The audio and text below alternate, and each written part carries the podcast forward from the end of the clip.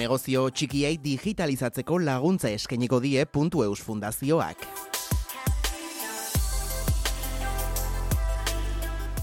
Enpresa txikiek eta artistek izena eman halko dute hemendik aurrera puntu eusen ireki berri den, e, tira, ba, ireki ate berri bat ekimenean. Hori esker, e, bueno, ba, webgune bat sortzeko laguntza izango dute, eta domeinu bat eta elbide elektroniko bat duan jasoko dute urte beterako. Honi esker, batira euren negozioak eskaintzen duena basarean zehar zabaldu al izango dute. Eta hain zuzen ekimenaren eh, berri jakiteko hemen dugu telefonoaren eh, beste aldean noski, Josu Balino.eus fundazioko kidea. Egunon, Josu? Bai, egunon. Bueno, tira, lenik eta behin. Zer modu zariz da bizitzen e, puntu eus fundazioa? Bueno, bazken ba, egun aste hauetako ezoiko egoera, Josu? Bueno, ba, gure kasuan e, lanpetuta, esango nizuke, ba, justu e, aipatu un programa hori marten jarri dugulako, baina hortaz aparte, e, nola baiteko normaltasun arraro batean. Gu nahiko oituta gaude etxetik eta telelana egitera, eta, bueno, gure jarduna ba, ba, jarraitzeko aukera izan dugu, ezta? Eta, bueno, ba, tolaten gara, bideokonferentzia bidez eta behar, Moldatzen gara, moldatzen gara, arazo ikan gabe prinsipioz. Gutxi gora bera, e, puntuz fundazioan, e, zenbat e, lagun ari zarete honetan lanean?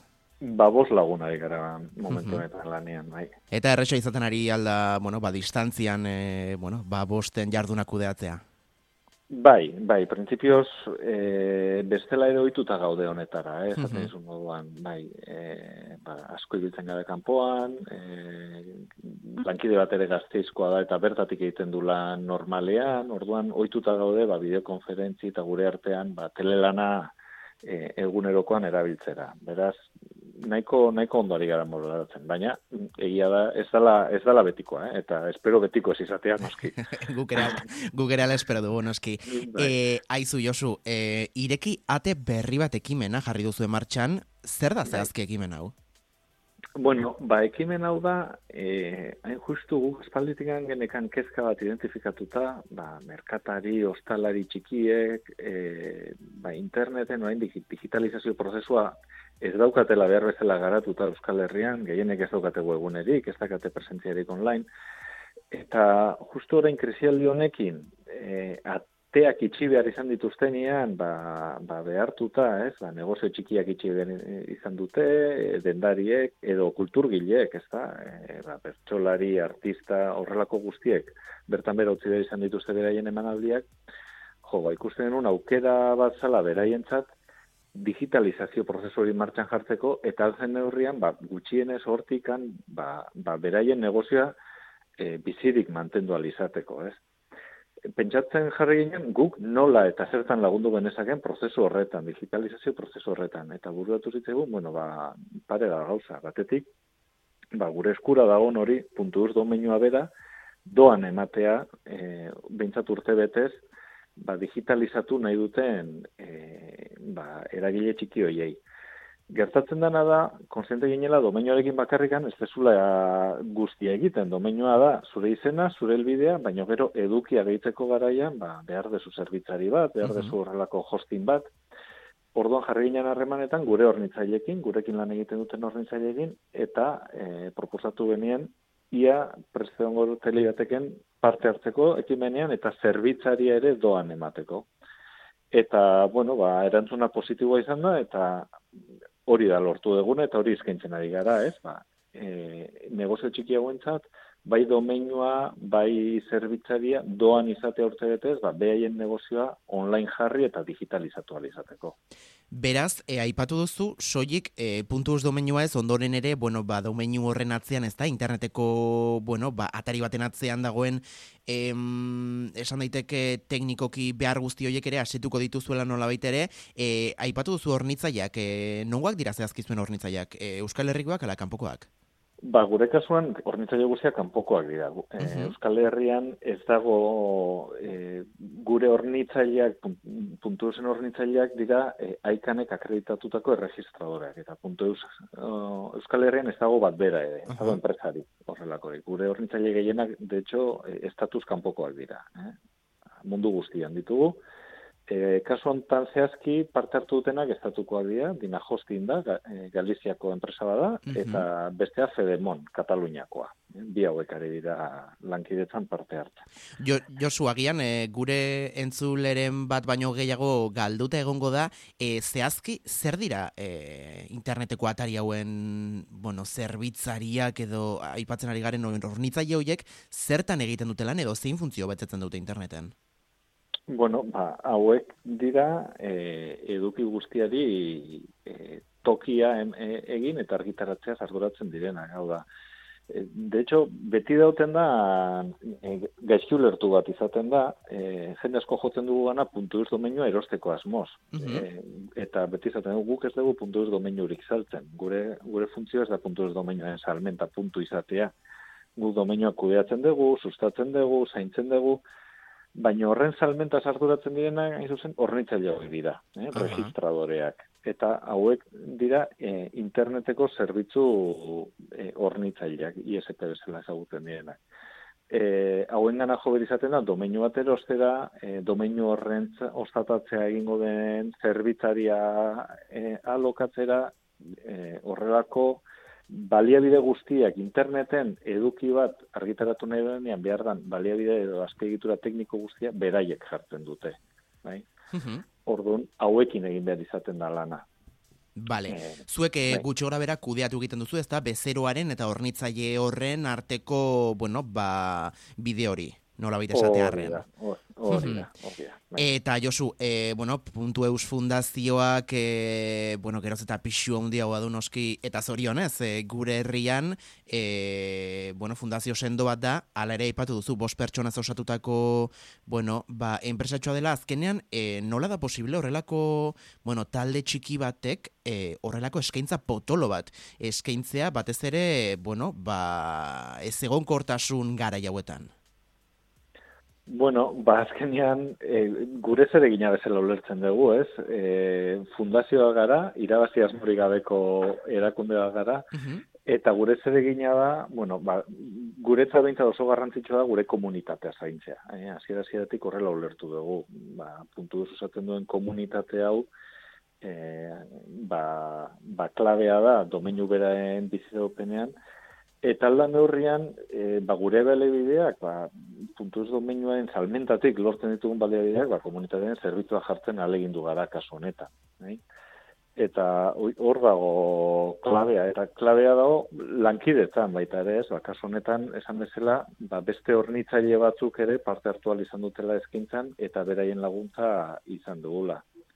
Gero horrez gain, E, ez egu ipatu, baino e, guk ematen dugunean domeinu eta zerbitzari da doan na, negozio txikiei, konstiente gara baita ere, beraiek ez dutela jakintzarik e, informatikaz webunea montatzeko eta hori guzti egiteko. E, koinziditzen du, badugula este proiektu bat, eskuntza da zuzendua, e, keixo mundua izenekoa, keixo mundua eta horren bidez, ba, eskuntza zentrotan, DBH-en eta batxin, webgunean montatzeko e, tresnak ematen dizkegu, balio bideak, bideotutorialak, e, orduan, balio bideoiek ere oraingo proiektu honen zerbitzura jarri ditugu. Ah, begira. bai, bai, orduan, balio digu, bat, e, guztia elikatzeko.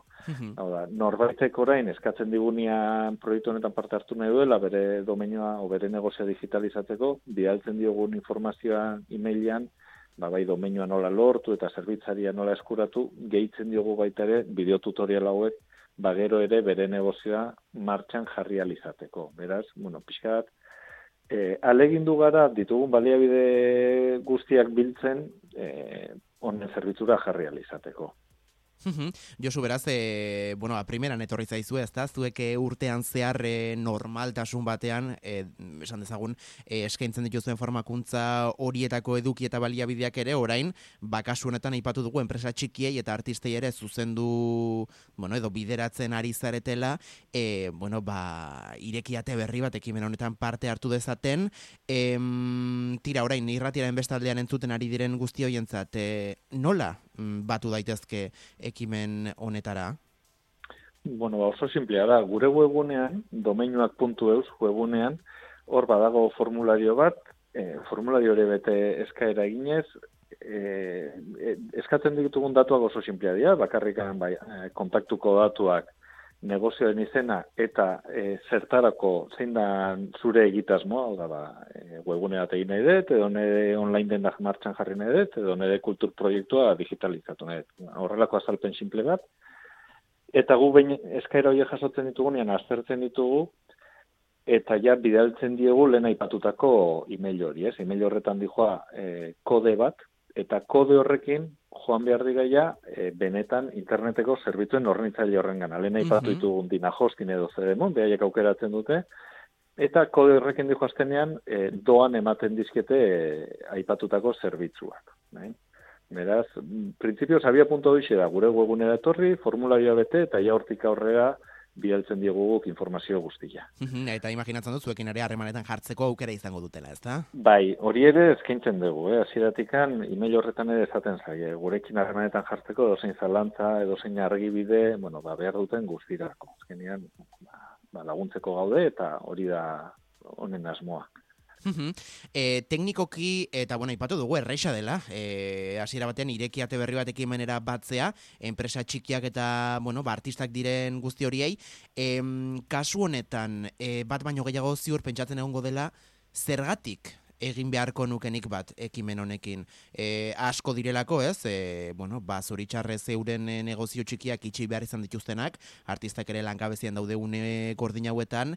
E, ze eskeni diezaiekete bakasu honetan e, interneten atari bat izateak e, baurrelako pertsonei, Josu? Bai, nik uste ala beharrez egin beharreko zerbait dela. E, gaur egun, azteko egun hauetan asko entzuten ari garen zerbait. Begira, e, guztiok etxean sartuta gauden momentutikan, salmentak biderkatu dituen Amazon izan da. Beraz, e, hori, herriko dendari txikien kalterako izan da, noski.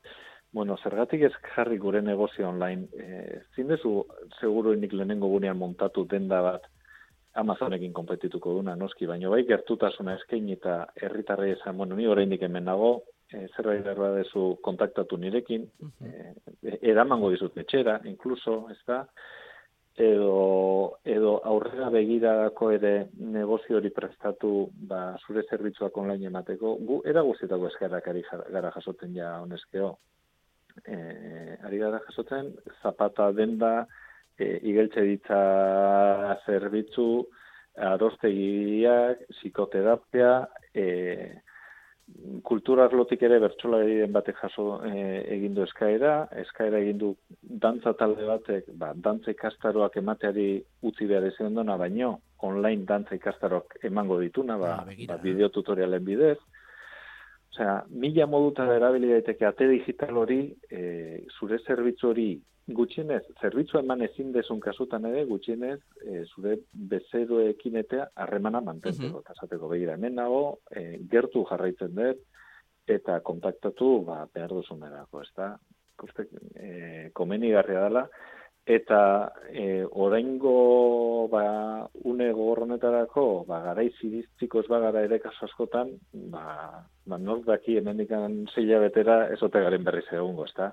Beraz, hobe, hobe gara izprestatu, eta unea baliatu horretarako. Bai, eta Josu ez bakarrik eh, pandemia honen kasuan, eh, gainerako, bueno, kasuetan ere normaltasun batean murgildurik gauden honetan, eh, bueno, ba, geroz eta oikoagoa delako, ez? Interneten edo sarean ez dagoena, ba, existitzen ez dela, eh, bueno, ba, eh, aipatzea. Eh, kasu honetan, eh, Josu, Eiker Lauroba musikari donostiarak adibidez, e, duela amabostegun bat plazaratu zuen, idatzi basare sozialetan, em, agian, oitzen ari gara Josu, em, bueno, ba, nola baitere zerbitzu asko sare sozialen bitartez, e, azken amabostegun hauetan, e, era, bueno, doako era batean kontsumitzera, baino kasu honetan ez gara konstiente, ez da, e, pertsona guzti horiek, musikariak, artistak tarteko, ba, euren, e, bueno, martelanak, sorkuntzak eta zerbitzuak eskaintzeaz e, bizi direla, agian, e, beharrezkoa dere bai, e, erabiltzaile aldetik ere, konstientzia bat izatea, ez da, eta mm, horrelako ekimenetan parte hartzen duten negozioekin eta artistekin bat egitea? Bai, bai, eta niretzat horrakatz bikoitza dago gaina kasoietan. Era bat adoz nago Iker Lauroa plantatu zuen horrekin, justu aurrekoan antzeko eztabaida bat izan genuen guk, e, akatz, akatz bikoitza, bikoitza diot e, bai proposamenaren aldetik eta bai jasotzailean aldetik. Da, oitu gara, ba, kulturgileak doan e, egitea eskaintza horiek eta gaina eskaintza egite dituzte, zuk esan ezela, sare sozialen bidez, eta ondorioz, zure eduki hori, ari zara guzten, enpresa mutonio baten eskutan, mm -hmm. ze horretaz egiago hartzen, azkenean, Facebooken e, publikatzen badet edo Instagramen publikatzen badet emanaldi bat, emanaldi hori haien esku gelditzen da, ez? Horregatik dator baita ere guk e, sustatzea norberak bere webunea sortzearen e, ideia hori, da.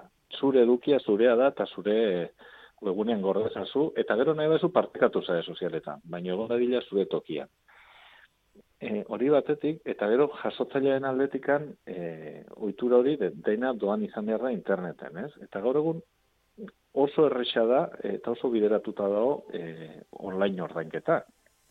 Hau da, e, begira, lehen jarri dugun adibidearekin, nik montatzen bat oraintxe negozio digital bat, edo montatzen bat bertso saio bat online adibidez, mm oso erresa da web horri horretan telefono zenbaki bat jartzea eta sarrera bizun bidez kobratzea. Esatea begira, e, online ikusi dezakezu, doakoa da, ze online ikustea, bale, e, ezin dizu sarrera itxi, baino borondatea ordaindu nahi badezu, ba hemen dakazu mugiko zenbaki bat bizun bat egiteko. Mhm. eta, eta horrekin, beste ikan gabe, ba, ikusten duten guztiek bakoitzak egin dezake ekarpen bat. Eta begira ze e, simplea, Josu? Eta begira ze simplea, ja horrekin egin dezu, eta lotuta lehen esan dugunekin, negozio digitalekin, jo ba, zure webunean jartzen maizu, oraindik hemen da, onaizta den daitxita egon, bidali zu WhatsApp, bat zerbait behar badezu, eta ordainduko diazu bizunez, eta utziko zu etxeko igo gailuan, e, konponduta dago, gertutasun hori eman dezakezu, ez da. Orduan, bai artistentzat, bai dendarientzat, e, nik uste, konstienti izan e, eremu digitalak tresnazko ditula e, ba, ba, ordainketak bideratzeko, e, komunikazioak lotzeko eta eta ohitu berga da horretara, bai bi aldeetan ordea, eh? bai eskaintzan eta bai eskarian.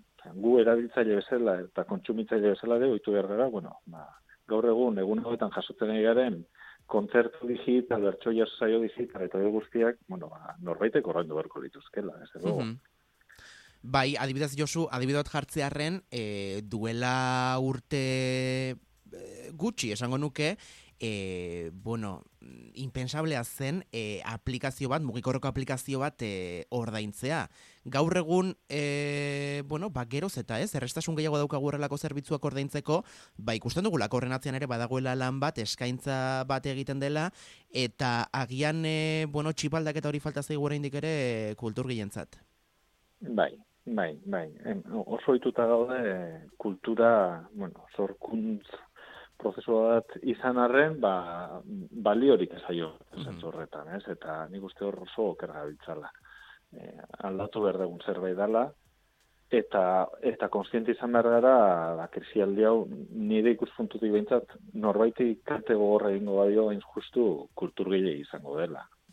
Bai, azkenean gainera, pentsatzen dugu e, bufoien antzera beraien e, egin beharra dela, ez? Gu etxean gauden bitartean e, gu entretenitzea, bai. eta euren bai. bete beharra dela, eta bai, e, behintzat e, ea, mm, ezoiko egera honek, e, ba, ikuspegi e, hori aldatzeko aukera ematen duen. Aizu Josu, zuek e, urte osoan zehar dara matzazue, bueno, urte osoa egiten duzue, da digitalizazioaren, e, web horri aldeen eta interneten e, buelta honetan, Em, era pertsonalean bada ere, nola ari zarete bizitzen e, Punto Eus Fundazioko bueno, lankideok e, baste honetan e, konfinamentuaren ondorioz basareak inoiz baino gehiago esango genuke duen garrantzio e, hau? Bueno, ba, ba maila pertsonalean, e, a ber, gure kasuan ikustegu gadela oso zareko animaliak ere bai, ez da? E, putuseko lantaldean eta orduan, e, gure egunerokoan oso txertatuta da osarea toki guztietan, bai aizialdian, bai lanean, bai, bai bestelakoan ere.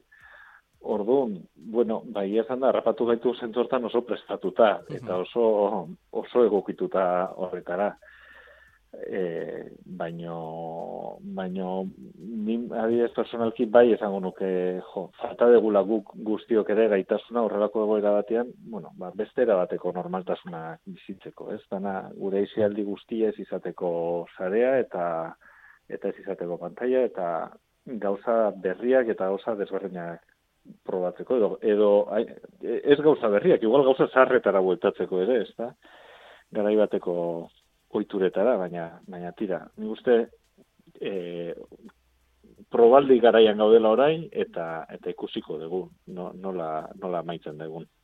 Lankide batekin aipatzen nuen, imaginatzen alduzu Josu, e, bizitzen ari garen egoera hau duela amar ama bosto gehi urte? Ba, ba, kurioso izango litzateke. E, ni pentsatu, pentsatzen dut duela ama bosto gehi urte horrelako egoera batean, desde luego, e, orain hain bogan jarrian, ba, jendeare aurroak sartzen Netflix eta seriak ikusten, ba, bian momentu horretan, jendea burdo sartu berko lituzke liburuak irakurtzen, ze, ze aukera beste, beste mota batzeko den, ez da? Beraz, bueno, ba, hori ere tokatu, tokatu izan da, eta, bueno, on, onela gaude. Bitu, guk justu etxean atea dugu, duela bost urte erosi genuen puzle hundi bat, eta orain ikan egin gabe genuen kana. Ba. bai, momentu dira dira ba, horrelakoak. Ba, ba, bai, ba, momentua, ba, oixe, familian puzle hundi bat egiten azteko. e, Josu, amaitzaldera, e, bueno, asko ari da komentatzen sarean, e, bueno, ba, sareak e, gainezka egiten ari direla, e, herritar asko dira ba kezkaz bizi dutena egoera hau ba bueno ba aipatu dugu moduan euren e, gaur egun behintzat, euren egunerokoaren eguneko laurogeita marra baino gehiago sarearen bitartez e, egiten dutelako, ez bakarrik aisia baizik eta baita lana eta e, gainontzeko gauzak ere. E, zuek honetan egiten duzuela lan, e, egingo aldu gainezka e, sareak? Ez, ez, uste sareak gaitasuna dauka honei guztiari eusteko. Arazo nagusia gaur egun zarean da mugitzen den trafiko kopuru ondiena, e, hau baino lehen ere, bideo trafikoa dela, bideo du pixudik ondiena, eta gaur egun ba, izialdia oso lotuta dola bideo, bideo joko eta horrelakoetara, eta horrek karga ondia eramaten du zarean. Berez, e, nik uste ez da hola arriskurik horretarako, sarea prestatuta dago, e, eta, eta protokoloak ere prestatuta daude horra begira. Beraz, ez, baino egia da, ondo etortzen dela horrelako probaldi bat, ikusteko nun dauden utxuneak, eta horrela begira zer hobetu beharko litzateken ikusteko, mm ez? Zuek izan alduzu arazorik e, puntu eus e, domenuren batekin, Josu? E, bueno, ba, justu begira gaur, e, guko izero bideokonferentzia bat egiten dugu lantaldean, eta justu gaur aritu gara komentatzen. Gu badugu sistema bat, e, zerbait berezi daukagu, egunero txekiatzen ditu automatikoki e, puntu domenio guztiak. Antivirus moduko bada. Mm -hmm. e, horrekin detektatzen ditugu, ba, norbaitek spam, phishing, malware, pixkat, horrelako... E, webguneren batek, puntu zen dagoen webguneren batek, horrako gauzak egiten ditun, e, askotan ez bere gorondatez, ba, norbaitek e, webgune jakeatu diolako adibidez. Eta, eta orduan e, detektatzen ditugu kasoiek eta beraiekin harremanetan jartzen gara hori zuzendu eta bideratzeko. E, usten dugu garrantzitsua dela hori egitea, e, ba, puntuz komunitate hori ba, zaintza, zaintzeko eta alik eta hobekien egoteko bai. E, justu guk erabiltzen dugun tresna horrek e, egokitzen egokitzapen bat egin du hain justu e, ba, koronavirusarekin zerikusia duten domeinoak ere detektatzeko. Ba, hainbat e, ikusi delako horren aitzakian ere, ba, hainbat webgunek ba, egiten dutela, hori phishing eta osea, e, maltzurkedietara bideratzen dituzte. Bai, ez da egoera aprobetsatu etekin ateratzeko. Hori da, hori da. Eta eta hortan genbiltzan, ba, gure kasuan detektatu ditugu pare bat, printzipioz informatiboa dana bat, eta bigarrena zalantzazkoa, eta hori aztertzen genbiltzan, ikuste bueno, ba, kaso zaindu behar ditugu, eta harrapatzen ditugu kasuak, ba, ba, blokeatu eta eta neurtu ez, baina orain arte hori, pare bat kaso agertu dira, eta kontrolpean daude, hasi que Gutxo gora bera, ez dakit buruz jakin gauzun, Josu, zenbate puntu, puntu eus eh, domenu daude gaur egun? Ba, gaur egun amar mila irureun inguru, horra bitza. Jo, duela urte batzuk, e, imagina ezina zen, ez? Horrelako, bueno, ba, domeinu potente eta, eta egonkortu bate izatea gurean, e, kasu honetan, e, koste egiten zaigu, zorionez, aurkitzea euskal komunitatearen barruan, e, puntu eus domeinutik e, kanpoko beste domeinu batzuk erabiltzen dituzten e, ekimen edo, edo negozioak, eh? Bai, bai, egia esan da zorionez, bueno, ba, puntu izan du eh, arrera oso ona, eh, garrantzia handia duten, bazu esan ezela, komunitatean, ba, pisu duten eta referentziaskoak zareten, eh, edabide, komunikabide, erakunde, ba, gehienak, ba, puntu erabiltzen ari zarete, Eta horrek ba babes handia ematen dio domeinuari, ez? Eta eta erabilera bat zabaltzen du eta ikusgarritasuna asko onditzen du. Nikun asko esaten dugu guretzat kopurua bea, naiz eta garrantzitsua esan 10.000 domeinu eh kopurua baino garrantzitsua da eh kalidadea. Hor mm dagoen eh webguneen kalidadea da. Ze ze webgunek osatzen duten puntuz komunitatea eta uste dugu ba hori gaur egun ba ezin hobea dela eta eta posik posik egotekoa dela. Zein esparrutan e, du agian aulgune gehien e, puntu eus domenuak, hau da, badakigu, bueno, enpresa hundietan, komunikabideetan, e, irratietan, eta dena delako ekimenek, e, bueno, erabiltzen dutela puntu eus domenua. E, zein da agian e, horrela, ez dakit, e, aulgune gehien duen esparrua? E, era pertsonaleko atariak ere e, jasotzen dituzua? Bai, bai, bai. E, e, sektore guztietan dago puntu ez domenioa. Guk hori neortzen dugu, e, puntu ez domenioen banaketa tipologikoa egiten dugu, eta gure egunean argitaratzen dugu baino, hor daukagun behatokian. E, eta sektore guztietan dago, bai, enpresa munduan, komunikabideetan, e, administrazioan, kultura arloan, e, guztietan dago.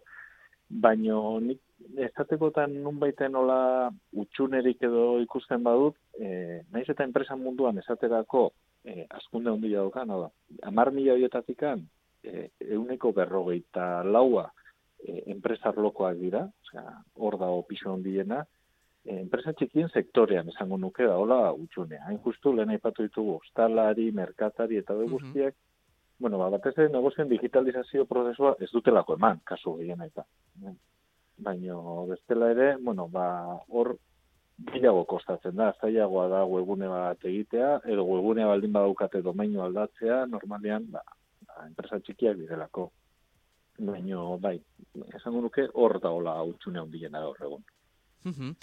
Oso ondo, Josu Baliño.euse fundazioko kidea, e, eskerrik asko iritar modua, lehenik eta behin, ba, irekiate berri bat, ekimena, bueno, ba, abian jartzen duzuelako, jarri duzuelako, e, era bolondrez batean eta inolako interesik gabe, ba, bueno, egoera e, zuen aldetik egoerari, bueno, ba, aletxo bate jartze aldera, eta eskerrik asko bestaldetik ere gaurkoan naiz zierratiko guinetan bat egitearen gurekin zuei, eskerrik asko, aukero emateatik.